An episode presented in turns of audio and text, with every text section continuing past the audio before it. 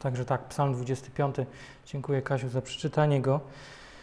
E, szukanie Boga w czasie próby. Można by powiedzieć w czasie ciężkiej próby, ale też ogólnie w czasie, w czasie próby i o, już, już poszło do przodu za bardzo. Trochę proszę do tyłu. Dzięki, nie uprzedzajmy faktów. E, czy kiedykolwiek byłeś, byłaś w czasie trudnej próby, trudnego doświadczenia i wiedziałeś, że znalazłeś się w tej próbie, w tym doświadczeniu z powodu własnego grzechu. Wiedziałeś, że powinieneś wołać do Boga o pomoc, ale bałeś się to zrobić z powodu swojego grzechu. A może Twoje problemy nie były spowodowane e, świadomym grzechem, ale raczej niedojrzałością lub po prostu głupimi decyzjami. Czasami nawet jeśli modliłeś się o przewodnictwo i mądrość, to i tak robiłeś coś, co skutkowało masą kłopotów. Co powinieneś zrobić w takich chwilach? I Psalm 25 uczy nas, by szukać Boga właśnie w tych trudnych chwilach, tych próbach, bez względu na to, z jakiego powodu się e, w nich znajdujemy. Wydaje mi się, że list Jakuba, e, pierwszy rozdział, piąty, szósty werset jest takim zwięzłym podsumowaniem Psalmu 25. A mówi on tak: A jeśli komu z Was brak mądrości, niech prosi Boga, który daje wszystkim hojnie i bez wypominania, a będzie mu dana. Ale musi prosić z wiarą, nie wątpić, bo ten, kto wątpi, jest jak fala morska pędzona i miotana wiatrem. Kontekstem rady Jakuba jest potrzeba mądrości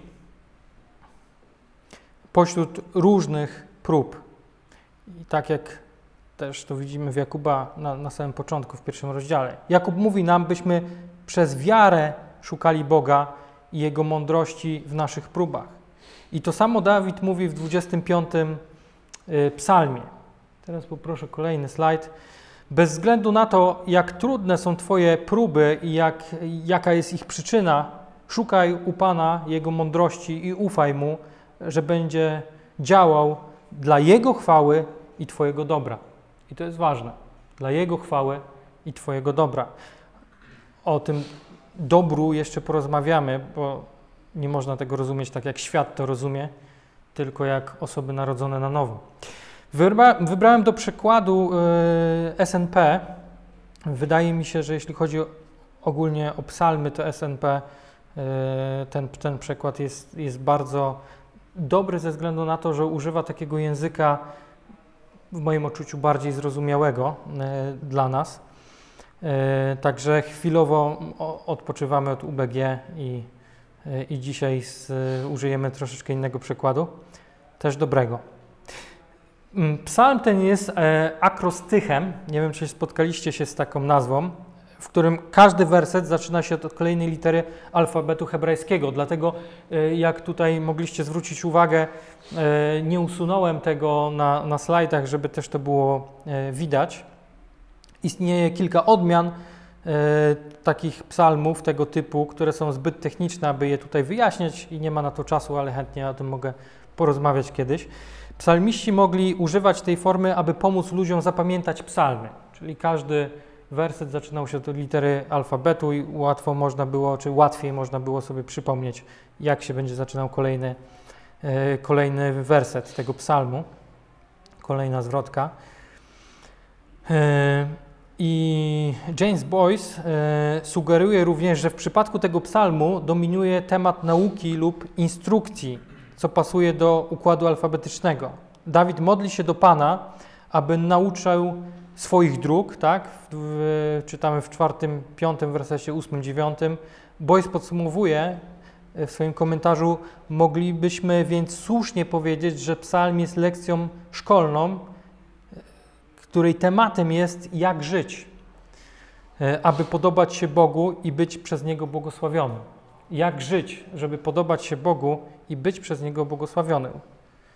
E, dodałbym tylko do, do, do pana Jamesa Boyce'a w kontekście trudnych prób. Więc myślę, że jeśli na to nabożeństwo przywiodło was to, że chcecie poznawać Boga, chcecie żyć zgodnie z Pismem Świętym, to powinno to być dla was ciekawe. Jak żyć, żeby podobać się Bogu i być przez Niego błogosławionym. I psalmy e, akrostychiczne są często trudne do nakreślenia, ponieważ ich treść jest skierowana bardziej przez układ alfabetyczny niż przez e, taki, no, z braku lepszego słowa powiem, logiczny zarys.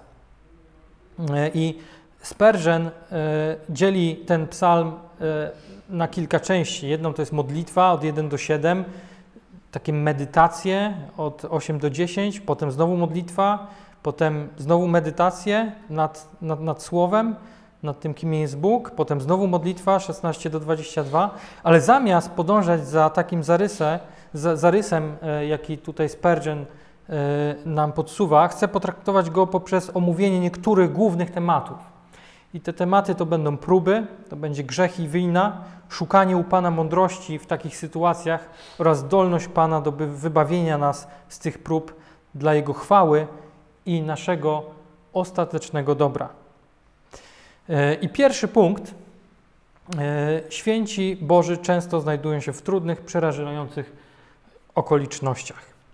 Nie możemy być pewni okoliczności, w jakich znalazł się Dawid w tym psalmie. Brakuje nam trochę informacji. W świetle jego wielokrotnych odniesień do jego grzechów, w tym grzechów młodości, yy, musiał być starszy, pisząc ten, ten, ten psalm. Co jest logiczne, mówi o grzechach młodości, czyli musiał już trochę lat mieć. Ponieważ jego grzech z Batrzebą, o czym mam nadzieję pamiętamy i tą historię znamy, i morderstwo jej męża doprowadziły między innymi do buntu Absaloma. I prawdopodobnie psalm 25 został napisany podczas tego epizodu, podczas buntu jego syna. Co jest też ciekawe, zauważmy, że e, Dawid, to było dla mnie jako nastolatek, e, jak czytałem pismo, jakoś zawsze przechodziłem nad tym wcześniej, a w pewnym momencie mnie to uderzyło, że przecież Dawid, ten jeden z moich ulubionych bohaterów Pisma Świętego, był gwałcicielem i mordercą. I ostatecznie y, ponosi karę, która trwa. Ta kara była oddalona w czasie, to znaczy najpierw dziecko Batrzeby, a później bunt Absaloma. Niemniej jednak na pewno Dawida spotkamy w niebie. Zwróćmy uwagę na sytuację Dawida. Ma on zdradzieckich wrogów, tak czytamy w tym psalmie, którzy chcą cieszyć się z jego upadku, jak te pierwsze wersety 2-3. Wrogowie są liczni i nienawidzą Dawida, są zawzięci, czytamy w wersecie 19. Zyskali przewagę nad Dawidem, ponieważ opisuje on swoje stopy jako już złapane w ich sieci, tak? W 15 wersecie. Dawid czuje się samotny i dotknięty, a jego kłopoty się pogłębiają, a nie polepszają. Powtarzające się prośby Dawida o to, by Bóg go uczył w wersetach 4, 5, 8, 9, 12, 14 sugerują, że jest on zagubiony pośród tego bałaganu, że po prostu sobie nie radzi. Pada na kolana i mówi: Boże, nie radzę sobie z tego, pomóż mi. Jeśli Dawid, który chodził z Bogiem od młodości, stawiał czoła tego rodzaju próbom, gdy był mniej więcej koło 60, tak tutaj komentatorzy, komentatorzy szacują, że to właśnie w takim wieku był pisząc ten psalm, to nikt z nas nie jest od nich wolny. Czasami słyszę, jak chrześcijanie narzekają, podążam za Panem i staram się być posłuszny, dlaczego doświadczam tych wszystkich prób? Dlaczego doświadczam tych wszystkich prób? Myślą, że jeśli jesteś posłuszny Bogu, on daje ci przerwę od próby. Że jeśli tylko będziesz posłuszny, będziesz codziennie czytał Biblię, modlił się, yy, tak jak w tej piosence, czytaj Biblię, módl się co dnia, to Bóg cię już uchroni od wszystkiego innego. Ale właśnie, czytajmy swoją Biblię. ze zrozumieniem i w kontekście. Wielu najbardziej pobożnych mężczyzn i kobiet w Biblii przeszło przez trudne próby. I w zasadzie to oczywiście wiemy, że Biblia jest o tym, jak Bóg ratuje człowieka, ale od czego go ratuje? No właśnie to też czytamy w Biblii, że ci, te wszystkie osoby, o których czytamy, tak naprawdę czytamy o ich nieudolnym życiu. Kogokolwiek byśmy wzięli. Czy weźmiemy Gedeona, czy weźmiemy Samsona, czy weźmiemy Dawida, czy Salomona, kogo, kogokolwiek byśmy sobie tutaj nie, nie wybrali, to tak naprawdę czytamy o ich nieudolnym życiu i o tym, jak Bóg ich ratuje. Kochani, w 1 Piotra 4,12 tak właśnie się zwraca do nas Piotr. Kochani, przestańcie się dziwić, że spadają na was bolesne doświadczenia. Nie spotyka was nic niezwykłego. Dzieje się to, aby poddać was próbie. I oczywiście, myślę, że to może zaboleć słowa Piotra, kiedy na przykład ktoś traci swoje dziecko. A Piotr mówi: Nie spotyka cię nic niezwykłego. Może to być bolesne, ale tak naprawdę on mówi to w tym kontekście, że takie rzeczy będą się działy. Będzie was Bóg doświadczał. Dlaczego? Za chwilę sobie o tym powiemy. Ale może myślisz sobie, tak, ale powiedziałeś, że próby w tym psalmie wydają się wynikać z grzechu Dawida. To prowadzi nas do drugiego punktu. I drugi punkt mówi: czasami trudne okoliczności, w jakich się znajdujemy, wynikają z naszych własnych grzechów lub niedociągnięć, czyli grzechów. Bo grzech to chybienie celu, e, czyli niedociągnięcie też będzie chybieniem celu. Bolesne poczucie winy Dawida przewija się przez ten psalm, jak taka mantra. W wersecie siódmym modli się on: Nie pamiętaj grzechów młodości mojej, ani występków moich. I najwyraźniej jego kłopoty w późniejszym życiu pogłębiły grzechy, które popełnił we wcześniejszych latach. I w wersecie e, ósmym odnosi się do siebie jako grzesznika. W wersecie jedenastym ponownie woła: na imię Twoje, Panie, odpuść nieprawość moją, bo jest wielka. A tutaj chciałbym jeszcze jedną rzecz zaznaczyć, bo podaję wersety, one mogą być przesunięte o jeden, dlatego że w niektórych tłumaczeniach yy, pierwszy werset to jest tytuł psalmu, a w niektórych pierwszy werset nie, nie ma numeru, tylko jest właśnie tytuł i później się zaczyna od pierwszego jakby drugi fragment. Także E, jeśli w swoich Bibliach tego, nie, jakby mówię, że na przykład coś jest w psalmie 11, a wy tam tego nie, nie znajdujecie, to nie dlatego, że kłamię i się pomyliłem, tylko dlatego, że po prostu w różnych tłumaczeniach czasami jest przesunięcie o jeden wers. E, wracając, werset 11. Przez wzgląd na imię Twoje, Panie, odpuść nieprawość moją, bo jest wielka. W wersecie 18 ponownie prosi Pana, odpuść wszystkie moje grzechy. I muszę Wam powiedzieć, że im jestem starszy, tym bardziej rozumiem modlitwę, aby Bóg nie pamiętał grzechów mojej młodości. Im bardziej zbliżasz się do Pana, tym bardziej ohydne wydają się grzechy, które popełniłeś, gdy byłeś młodszy. Niektóre grzechy z mojej młodości powracają, by mnie prześladować. I myślę sobie, jak mogłem to zrobić? Co ja sobie wtedy myślałem? I odpowiedź, odpowiedź na to jest taka: ja nie myślałem. Działałem na hormonach i pod wpływem głupoty. Tylko łaska Boża, i to absolutnie nie jest też usprawiedliwienie, tylko łaska Boża powstrzymała mnie przed zrobieniem rzeczy, które mogły mieć o wiele poważniejsze konsekwencje. I tak naprawdę to, że teraz nie ponoszę tych konsekwencji, to jest też łaska Boża. Staram się nie rozpamiętywać tych grzechów, ponieważ są one teraz we krwi Chrystusa, ale kiedy przychodzą mi na myśl, przypominają mi o tym, jak zepsute było moje serce, ponieważ wciąż jest, jest podatne na te same grzechy. Dziękuję Bogu za Jego wielką miłość, która posłała Jego Syna, by poniósł karę właśnie za te grzechy. I zdaję sobie sprawę zarówno z mojej ogromnej potrzeby łaski, jak i z mojej potrzeby cierpliwego okazywania łaski innym, tak jak On uczynił to dla mnie. I myślę, że to jest właśnie, znaczy jestem pewien, nie? myślę, to jest właśnie Ewangelia. Tu nie chodzi o to, że nagle zapomnimy to, kim jesteśmy. I myślę, że jak chrześcijanie zapominają o swojej grzeszności, stają się karykaturą chrześcijaństwa. Zresztą pierwszy list y, Jana mówi, kto mówi, że grzechu nie ma, co robi? kłamcę z Boga czyni, tak? Jeśli mówimy, że grzechu nie mamy, to mówimy, że On kłamie, bo Bóg mówi, że my jesteśmy grzeszni, taka jest nasza natura, ale On nas zbawił. W Jego krwi jesteśmy oczyszczeni. I co za tym idzie, Jezus wzywa nas do tego, żebyśmy my też okazywali łaskę innym, tak jak to uczynił dla nas. Jest tu jeszcze jedno zastosowanie. Ilekroć znajduję się w trudnej sytuacji, czy to zdrowotnej, finansowej, konfliktu z bliźnim, czy jakiejkolwiek innej, wykorzystuję tę próbę do zbadania własnego serca.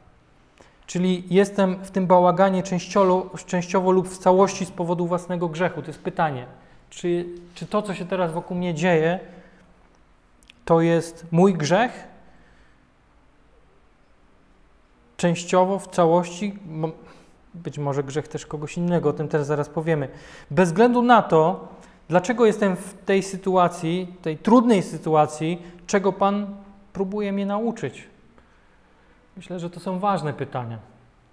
Sprawdź, gdzie jesteś względem Boga. Czy nie zacząłeś od Niego odpływać? Czy nie obrałeś kursu na Tarszysz, tak? Odnoszę się tutaj do Eee, do kogo? Do Jonasza. Do Jonasza, dziękuję bardzo.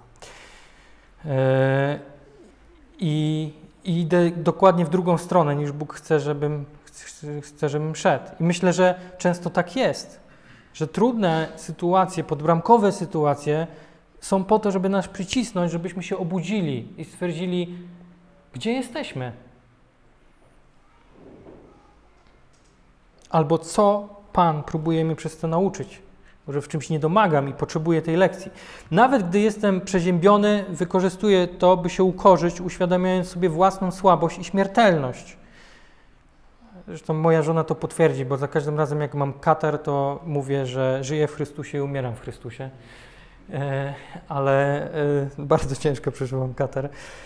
E, ale tak, jestem słaby E, I, I, nawet taki kater dobrze jest wykorzystać po to, żeby na chwilę przystać i się zastanowić i uświadomić sobie własną słabość. O, w kontekście kateru śmiertelność brzmi dziwnie, ale też. E, jestem jak trawa na polu. Dziś jestem, a jutro mnie nie będzie. Każdy mój oddech, każdy mój kęs jedzenia zależy od Boga. Wykorzystaj więc swoje próby, aby zbadać swoje serce i życie przed Bogiem. Można by powiedzieć, parafrazując Pipera, który napisał książkę Nie zmarnuj swojego życia, ja bym powiedział: Nie zmarnuj swojej próby. Nie zmarnuj swojej tragedii. Jeśli dojdziesz do wniosku, że Twoja próba jest bezpośrednio związana z Twoim grzechem lub głupotą, co powinieneś zrobić? Tendencja jest taka, by próbować to ukryć i blefować, ale to złe podejście. Jest lepszy sposób i to nas prowadzi do punktu trzeciego. Bez względu na to, w jakich próbach się znajdujemy, szukajmy Pana i Jego mądrości. A tutaj tak bez sensu ten przecinek, co robić, ale szukajmy tego, co robić w Panu. Jedynym z głównych powodów, dla których Bóg sprowadza takie próby na nasze życie, jest skłonienie nas do gorliwszego szukania Go, ponieważ w nowy sposób rozpoznajemy, jak bardzo jesteśmy od Niego zależni. Myślę, że to jest też y, problem tego świata i problem, już pal licho świat, ale y, problem Kościoła, y, że my chcemy być niezależni. Nasze pragnienia do tego dążą. Chcemy więcej zarabiać. Po co? No, nie tylko po to, żeby kupować sobie ładniejsze, bardziej świecące rzeczy, ale myślę, że głównie po to, żeby być bardziej niezależni. Nie chcemy być zależni też od innych, ale musimy sobie uświadomić, że zawsze byliśmy i zawsze będziemy zależni od naszego Boga. Nawet jeśli nie jesteś wierzący, nawet jeśli nie chcesz słyszeć o Bogu, jesteś od Niego zależny. Ostatnio Mateusz Guzik o tym mówił. Każde kolano się przed Nim zegnie. A jeśli nasza próba jest spowodowana jakimś grzechem, który wcześniej był y, ślepym zaułkiem, Bóg chce, abyśmy go wyznali i odwrócili się od tego grzechu. I Jan Kalwin komentuje y, w, w, komentarzu do tego psalmu, ale musimy wiedzieć, że tak często jak Bóg wycofuje swoje błogosławieństwo od swego ludu, ma to na celu obudzenie ich do sprawdzenia ich stanu i odkrycie im, jak daleko są jeszcze od doskonałej bojaźni Bożej. Kalwin wskazuje również, że Dawid kierował wszystkie swoje pragnienia i modlitwy wyłącznie do Boga. I wersety pierwszy, drugi, yy, pierwsza część tego wersetu czytamy: Do Ciebie, Panie, wznoszę moją duszę. Boże mój, Tobie ufam. Albo w tłumaczeniu SNP: Na Ciebie, Panie, z utęsknieniem czekam. Do Ciebie, mój Boże, wznoszę moją duszę. Tobie ufam. I Kalwin mówi: Nie ma nic bardziej niezgodnego z prawdziwą i szczerą modlitwą do Boga niż wahanie się i wpatrywanie się, jak to czynią poganie, w poszukiwaniu pomocy ze strony świata, a jednocześnie porzucanie Boga lub nie poddanie się bezpośrednio Jego opiece i ochronie. I dodaje, że jeśli Dawid, który był tak mądrym człowiekiem na drogach Bożych, woła o Bożą mądrość w swoich próbach, o ileż bardziej my musimy robić to samo. I wiem, że Calvin ma, e, Jan Calvin dużo używa zdań wielokrotnie e, złożonych, dlatego powiem to własnymi słowami. Jeśli się e, modlimy, szukamy rozwiązania w Bogu teoretycznie, a tak naprawdę już podczas modlitwy szukamy ludzkiego rozwiązania, układamy już swój plan i tak naprawdę to modlimy się po to, żeby Pan Bóg za przeproszeniem nam to klepnął, co my już wymyśliliśmy, to jesteśmy w błędzie, to szukamy rozwiązania ze świata. I tak robią poganie, mówi Kalwin. Szukajcie tak naprawdę pomocy ze strony świata. A jednocześnie uważacie Boga za jakiegoś urzędnika, który powinien wam to przybić pieczątkę, żeby to poszło żeby zaakceptował ten plan. I ta ostatnia myśl, którą czytałem tutaj Jana Kalwina, że spójrzmy na to. Dawid, który naprawdę był Bożym człowiekiem, pomimo jego upadków, raczej myślę, że możemy to z czystym sumieniem powiedzieć, że był Bożym człowiekiem. E, chociażby widzimy to w psalmach. Jego, jak wszystko oddawał Bogu, jak stawał przed Nim E, taki, jakim był. I nawet on, e, który poznawał mądrość na Bożych drogach, woła o Bożą mądrość w swoich próbach, o ileż bardziej my musimy robić to samo. Pytanie, czy to robimy? Czy faktycznie prosimy Boga o mądrość? Jak więc szukać Pana w trudnych chwilach? W tym psalmie jest wystarczająco dużo, aby wygłosić osobne kazanie na każdy, na, na każdy e, werset, ale zwróćmy jednak uwagę na trzy rzeczy. I pierwsza, aby właściwie szukać Pana, należy wyznać swoje grzechy i prosić Go o przebaczenie. I możecie mi powiedzieć, Mateuszu albo bracie Mateuszu, przecież to jest oczywiste. Z jednej strony tak, z drugiej strony nie do końca. Że, jak to mówią, życie pokazuje, że nie, że to nie jest oczywiste.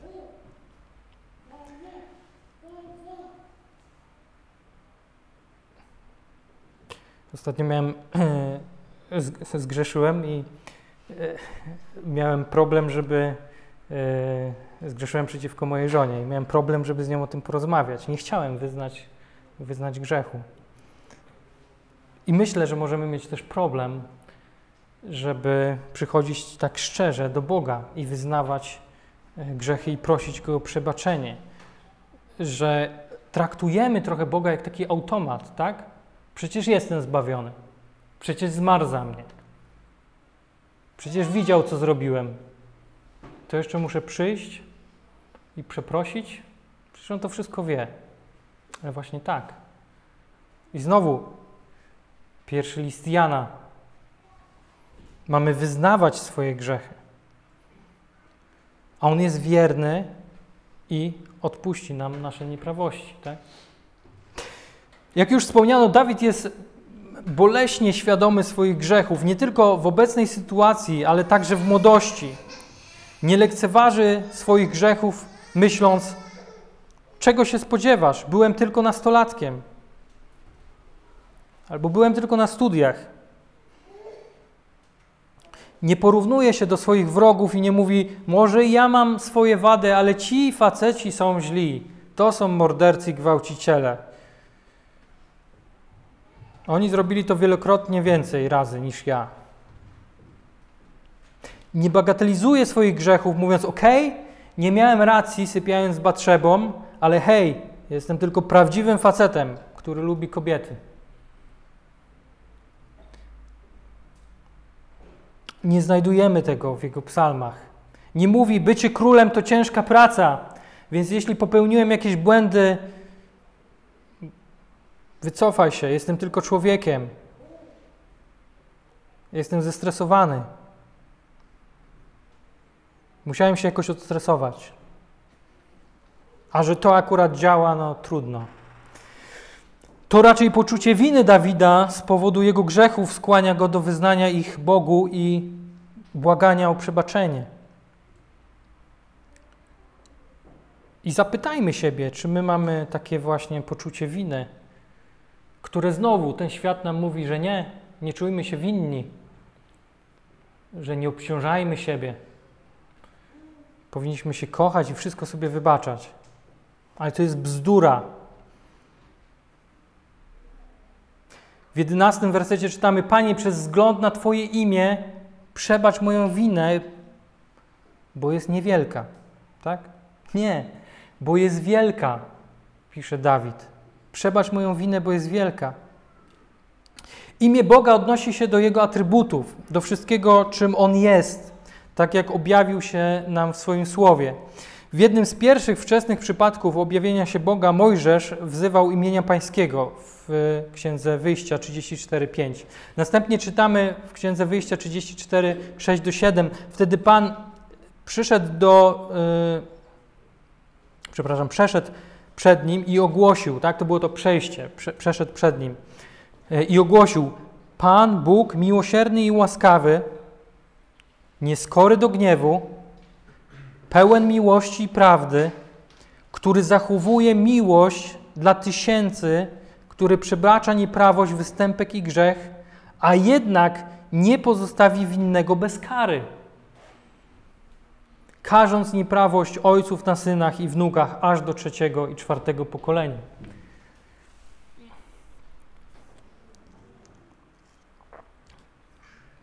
Ja się napiję, a niech to wybrzmi. Kim jest nasz Bóg?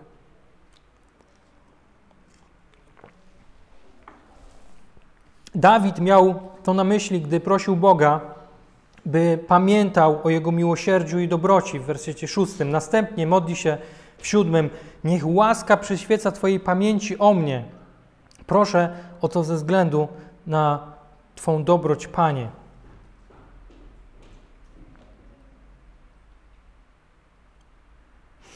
Bóg może postępować z nami zgodnie z łaską, czyli z miłosierdziem, ponieważ Jezus zaspokoił swoją świętą sprawiedliwość, gdy poniósł nasze grzechy na krzyżu.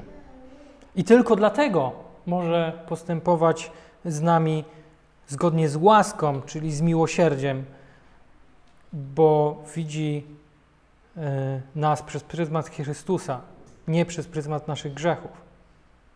W ten sposób Bóg może być teraz zarówno sprawiedliwym, jak i usprawiedliwiającym tego, który uwierzył w Jezusa. Tak więc pierwszym krokiem w szukaniu Pana w trudnych chwilach jest badanie swojego serca i wyznanie grzechów polegając na Jego łasce poprzez przelaną krew Jezusa Chrystusa. To jest pierwszy punkt.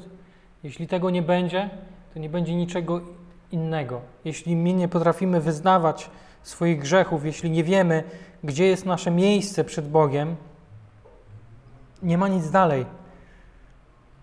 A myślę, że tylko perspektywa ognia piekielnego.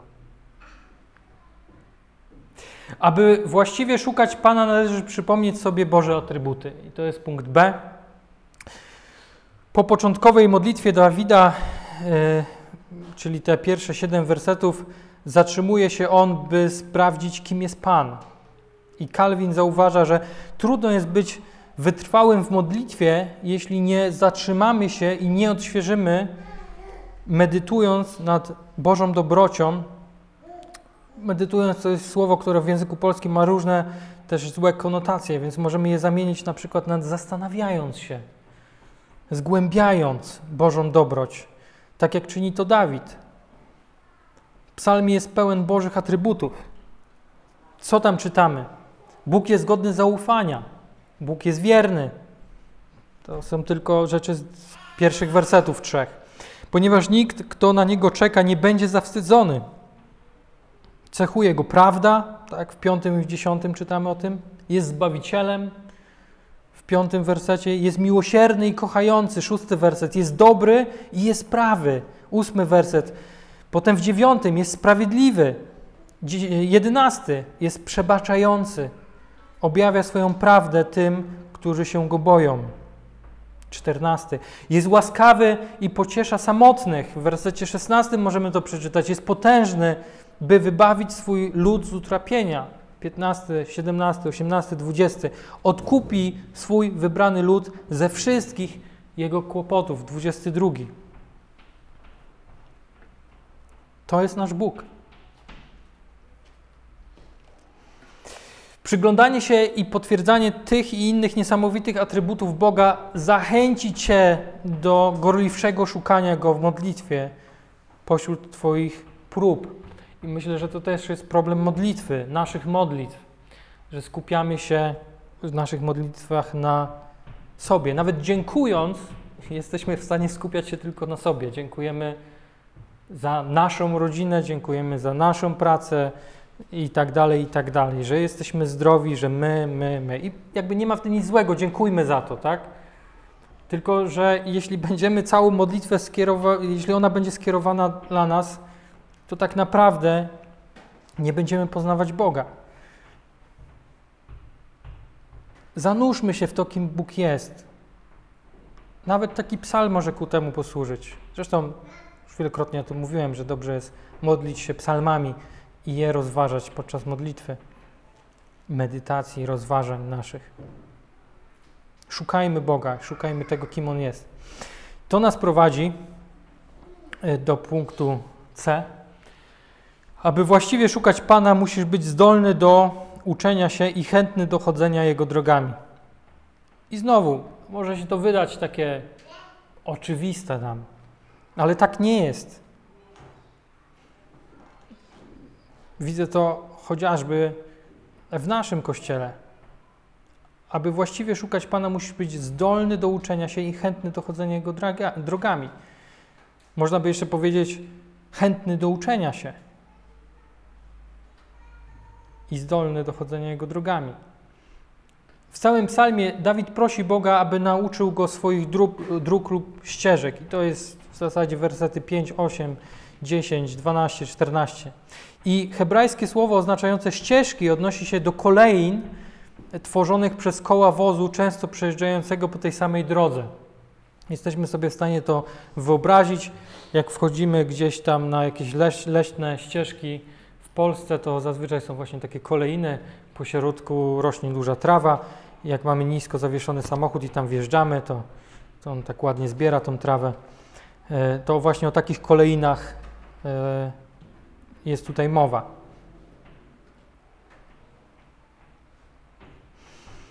Bóg jest konsekwentny w swoich ścieżkach lub w drogach, czy w tych właśnie kolejnach, które wynikają z Jego świętej natury.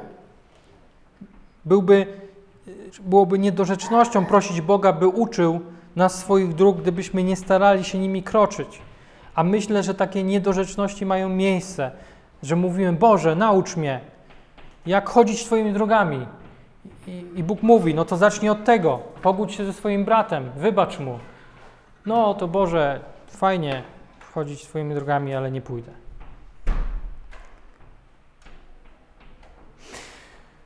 Ale na szczęście Bóg poucza grzeszników na swój sposób. Werset ósmy.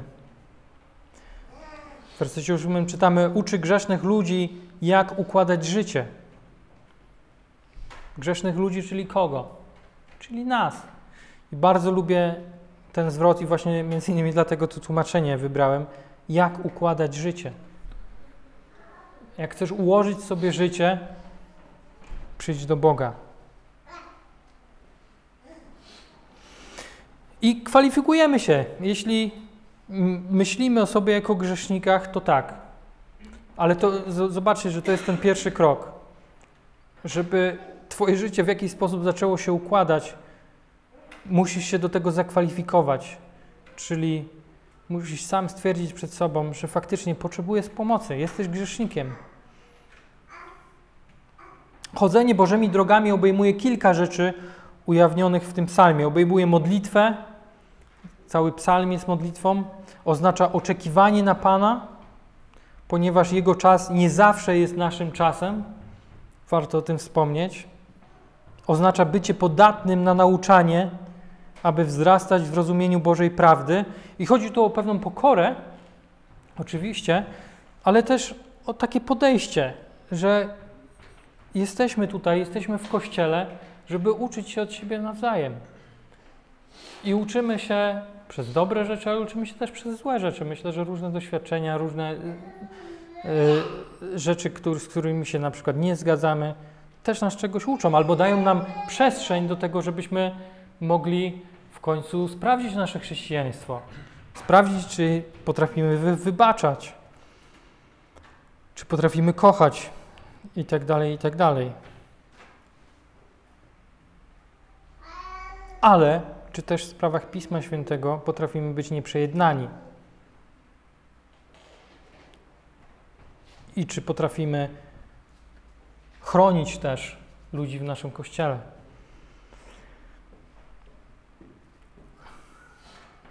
Obejmuje to pokorę, dziewiąty werset. Sprawia, że pokorniej wygrywają w sądzie i swe ścieżki wskazuje tym, co pragną się uczyć a nie pysznym, tak? jak w Jakuba 4, 6. Y, Chodzenie Bożymi drogami oznacza bycie Mu posłusznym, werset 10. Dla tych, co przestrzegają, i też znowu to tłumaczenie jest świetne tutaj, warunków Jego przymierza. Czy przestrzegamy warunków Jego przymierza? Oczywiście ktoś by mógł powiedzieć, no tak, bracie, ale przecież jesteśmy wolni od prawa i tak dalej. Absolutnie. Jesteśmy wolni i Chrystus wypełnił prawo. Ale co Chrystus powiedział? Że nie przyszedł tutaj, żeby coś znieść. Wręcz przeciwnie. No i taki koronny przykład e, z cudzołóstwem. Mówi, prawo mówi, musisz się przespać z kobietą, żeby był, e, był grzech, tak? Mówi, a ja wam mówię, spojrzysz na nią porządliwie. I zgrzeszyłeś. Także jak ktoś zaczyna mi mówić o tym, że Chrystus zniósł prawo, zapala mi się lampka. Tak, zniósł prawo, ale czy ty żyjesz zgodnie z warunkami przymierza? Czy się uświęcasz? W końcu e, to oznacza też bać się go. Werset 12, 14. Mieć zdrową bojaźń. Kto jest tym człowiekiem żyjącym w bojaźni Pana, pyta Dawid. Takiego Pan pouczy, którą drogę wybrać. Takiego Pan pouczy, którą drogę wybrać. Oznacza nieustannie spoglądanie na Pana w wersecie 15. Moje oczy zawsze kieruję na Pana. On jest tym, który uwalnia z sieci moje nogi. Wymaga chodzenia w uczciwości i prawości. Niewinność i prawość niech mnie ochraniają, ponieważ na Ciebie z utęsknieniem czekam. Werset 21. Przez wszystkie te cechy przewija się to, co Dawid wielokrotnie potwierdza, a mianowicie jego zaufanie do Pana. Boże mój, Tobie ufam. Zaufanie kryje się za wieloma, za, za wielokrotnym, przepraszam, błaganiem Dawida by się nie wstydził, i to są wersety drugi, trzeci, dwudziesty. I starałem się to zrozumieć, ponieważ wydaje mi się, że kultury oparte na, na wstydzie, takie jak obecnie istnieją na Bliskim Wschodzie, czy Japonia jest też tego dobrym przykładem, są kulturami opartymi na dumie, na pysze. Zabicie kogoś, by zachować swój honor, to po prostu działanie w grzesznej dumie. Dlaczego więc Dawid tak bardzo troszczy się o to, by się nie wstydzić? I można zadać pytanie, czy jest po prostu dumny, czy jest pyszny? Myślę, że główną ideą jest to, że Dawid publicznie potwierdził swoje zaufanie do Boga. Jeśli Pan go zawiedzie i wrogowie Dawida zatriumfują nad nim, stawką będzie nie tylko honor Dawida, ale także honor Pana. Oto człowiek, który zaufał Panu. Czy był głupcem? Czy może warto jednak ufać Bogu? Argument Dawida w modlitwie brzmi: Panie, całkowicie Ci ufam, nie pozwól mi się wstydzić, bo jeśli będę się wstydził, Twoje imię zostanie zhańbione. I to prowadzi do ostatniej lekcji, ale pozwolę sobie jeszcze na krótką dygresję. E, wczoraj z żoną oglądaliśmy taki dokument o kościele Hillsong i o różnych złych rzeczach, które się w tym kościele działy, ale między innymi o, e, tam było o tym pastorze z Nowego Jorku, który się nazywa Karl Lenz. Karl Lenz. I zobaczcie, to jest człowiek, który wielokrotnie publicznie wyznawał, że Chrystus za niego umarł. To jest człowiek, który mówił, że on zaufał Chrystusowi, i tak dalej, i tak dalej. I że, że Bóg jest z nim, że go Duch Święty prowadzi i, i, i tak dalej. Po czym y, zostało stwierdzone, że miał co najmniej nie, niezdrowe kontakty z różnymi wolontariuszkami przez lata służby, a w końcu zdradził swoją żonę y, z kobietą spoza kościoła. Przez pięć miesięcy trzymał, y, utrzymywał romans, stosunki seksualne i tak dalej, mimo że nauczał skazalnicy E, o tym, e, jak to będą potępieni cudzołożnicy i tak dalej. I zauważcie, co się stało. E, ludzie, którzy go słuchali, co mogli sobie pomyśleć? Co sobie myślą? Ile ludzi odeszło z tego zboru? Mm. Oczywiście dla mnie to jest jakby lepsze. Myślę, że dobrze, że uciekli z tego zboru. Może znajdą inne, a może może nie, ale, ale ten zbór na pewno nie był zdrowy. Natomiast yy, to jest właśnie to. Jeśli chcesz stawać tu, czy gdziekolwiek indziej, bo może dobra, bo, bo się, nie wszyscy się z tym yy, utożsamią, nauczanie, ale tak naprawdę każdy z nas wyznaje, że należy do Boga. Więc nie dajmy się zawstydzić nie pozwólmy, żeby nasze grzechy zawstydziły nie tylko nas, ale nasz Kościół, a w konsekwencji Boga. I pamiętajmy o tym, że my, tak jak Dawid, nie reprezentujemy tylko siebie, reprezentujemy Kościół Boży. Nie tylko Kościół Słowa, ale Kościół Boży. Reprezentujemy Boże Królestwo na ziemi. Dlatego Paweł mówi: Nie pozwól Boże, żebym się wstydził. Nie pozwól, żeby te konsekwencje moich grzechów spowodowały, że Twoje imię będzie zbezprzeszczone przez moich wrogów.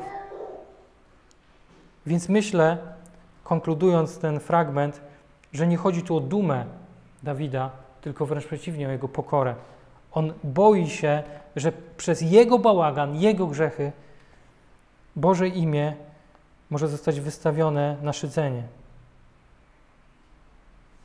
Czy my mamy taki strach przed tym, czy raczej myślimy tylko o sobie i o swojej reputacji? Czwarty punkt, ostatni. Bez względu na to, jak trudne są nasze próby, Pan jest w stanie nas z nich wybawić dla swojej chwały i naszego dobra dla swojej chwały i naszego dobra. Oczywiście gwiazdka nie dobra, jak rozumie to świat, tylko jak rozumie to Bóg. Musimy być ostrożni, aby definiować wybawienie biblijne, e, a nie po, powszechnie czy światowo. Biblia wyraźnie mówi, że nie zawsze wolą Boga jest cudowne uzdrowienie nas lub uwolnienie od wszystkich naszych problemów. Bóg wybawił Jana Chrzciciela, tak? Jak, Jakuba i Pawła też wybawił. Wybawił czy nie wybawił? Wybawił. W jaki sposób Jana Chrzciciela wybawił? Przez ścięcie głowy. Wybawił go od utrapień tego świata. Zresztą Jakuba i Pawła tak samo, oni też, jak tradycja mówi, zostały im odcięte głowy. Wielu wiernych świadków Boga zmarło młodo z powodu choroby lub wypadku. Często nie rozumiemy Bożych dróg. Jego sposobem na dotarcie z Ewangelią do plemienia, e, nie wiem czy to dobrze przeczytam, Woadani w Ekwadorze było zamordowanie pięciu wybranych młodych misjonarzy. To jest też ciekawa historia. Zebrali pieniądze, mieli wsparcie wielu zborów. Zbory się o to modliły, starsi nałożyli ręce, wszyscy byli przekonani, że oni mają tam jechać. I mieli tam jechać. Tylko, że oni zostali zamordowani, ale każdy kolejny misjonarz, który tam dotarł, e, już miał utorowaną drogę, już nie został zamordowany. I, spod, I z tego plemienia niektórzy się nawrócili. Pamiętam, że dla mnie osobiście, jak urodził się e, Teodor i chyba w drugim tygodniu e, po urodzeniu złapał RSV, to taki, taki wirus, który jest śmiertelnie niebezpieczny dla małych dzieci. E, w całym Krakowie zmarło 17 czy 18 noworodków w tym czasie. Na szczęście nie, nie mój syn. Ale dlaczego tak było? E, nie wiem, nie mam pojęcia. Może dlatego, że żebyśmy się bardziej gorliwie od niego modlili i może to było dla nas jego rodziców. Naszym obowiązkiem jest e, Potwierdzanie wiarą, tak jak czyni to Dawid, że Pan jest zawsze dobry, kochający i współczujący. On jest w stanie wybawić nas z naszych doświadczeń, nawet jeśli sami bylibyśmy ich przyczyną z powodu naszego grzesznego trybu życia, z naszych grzechów czy naszej głupoty. Jeśli tylko uniżymy się i będziemy Go szukać. On poucza nas jako grzeszników, abyśmy poznali Jego mądrość, jak czytamy w tym psalmie, która wyprowadzi nas z naszych prób. Nasze trudne okoliczności powinny skłonić nas do zbadania naszych serc, wyznania i pouczenia wszystkich znanych grzechów oraz wołania do Pana jego, o Jego łaskawe wybawienie. A wszystko to dla Jego chwały i naszego ostatecznego dobra. I myślę, że to jest właśnie to słowo nasze, naszego ostatecznego dobra, że pewne rzeczy, które po ludzku może nie wydają się dobre, mogą być ostatecznie dobre. Też znam historię, kiedy różne choroby doprowadzały do opamiętania ludzi. I po ludzku nie chciałbym mieć tych chorób, ale jeśli to by spowodowało, że zabłądziłem i to jest ta droga, kiedy mam się upamiętać, w której mam się upamiętać, okej, okay. liczy się życie wieczne. Ostatnia myśl, zanim podam konkretne zastosowanie. Werset 22 przyciąga uwagę w języku hebrajskim, ponieważ nie jest zgodny ze schematem alfabetycznym. Tak? Leci, e, leci alfabet i nagle mamy pewną niezgodność. I do tego momentu psalm był indywidualną modlitwą Dawida, ale pod koniec nieoczekiwanie ją rozszerza. I mówi tak: Wyzwól Izraela Boże ze wszystkich jego utrapień. Albo w naszym tłumaczeniu mamy Boże, wykup Izraela ze wszystkich jego niedoli. Być może Dawid zrobił to, ponieważ zdał sobie sprawę, że jako król jego problemy były problemami Izraela. Smutek Dawida z powodu jego własnych problemów przypominał mu o problemach narodu, więc modlił się za nich. Ale to uczy nas, że nasze modlitwy muszą zawsze obejmować innych. To jest to, co już trochę o tym mówiłem. Jeśli więc przychodzisz przez trudny okres, nie zapomnij modlić się o innych, na przykład o zbór. I już kończąc, ostatni werset tego psalmu sparafrazowałbym na nasz użytek tak. Boże, wykup Kościół Słowa ze wszystkich jego niedoli. I najlepiej jak potrafimy, myślę, że tutaj z Matem jako starsi tego zboru szukamy Pana Jego woli dla naszego zboru. Ale nawet jeśli popełniliśmy błędy i za pewne sprawy wzięliśmy się zbyt późno, to ten psalm mówi nam, że Pan wciąż może nas wybawić i czułem potrzebę poinformowania Was, abyśmy modlili się żarliwie lub żarliwiej za nasz zbór. Natomiast, i to już jest podsumowanie, ostatni slajd. Jeśli przechodzisz próbę, ciężki czas, niezależnie czy spowodowany Twoim grzechem czy okolicznościami, badaj swoje grzeszne serce. Wyznawaj wszystko Panu. Proś o przebaczenie. Bądź pokorny, otwarty i gotowy do nauki i naprawy, do zmiany myślenia. Odwołuj się do tego, kim jest Bóg i chwal Go za to, a On Cię wybawi dla swojej chwały i Twojego wiecznego, nie do końca doczesnego dobra. Prośmy, aby Pan był uwielbiony, gdy prowadzi nas swoimi ścieżkami miłości i prawdy.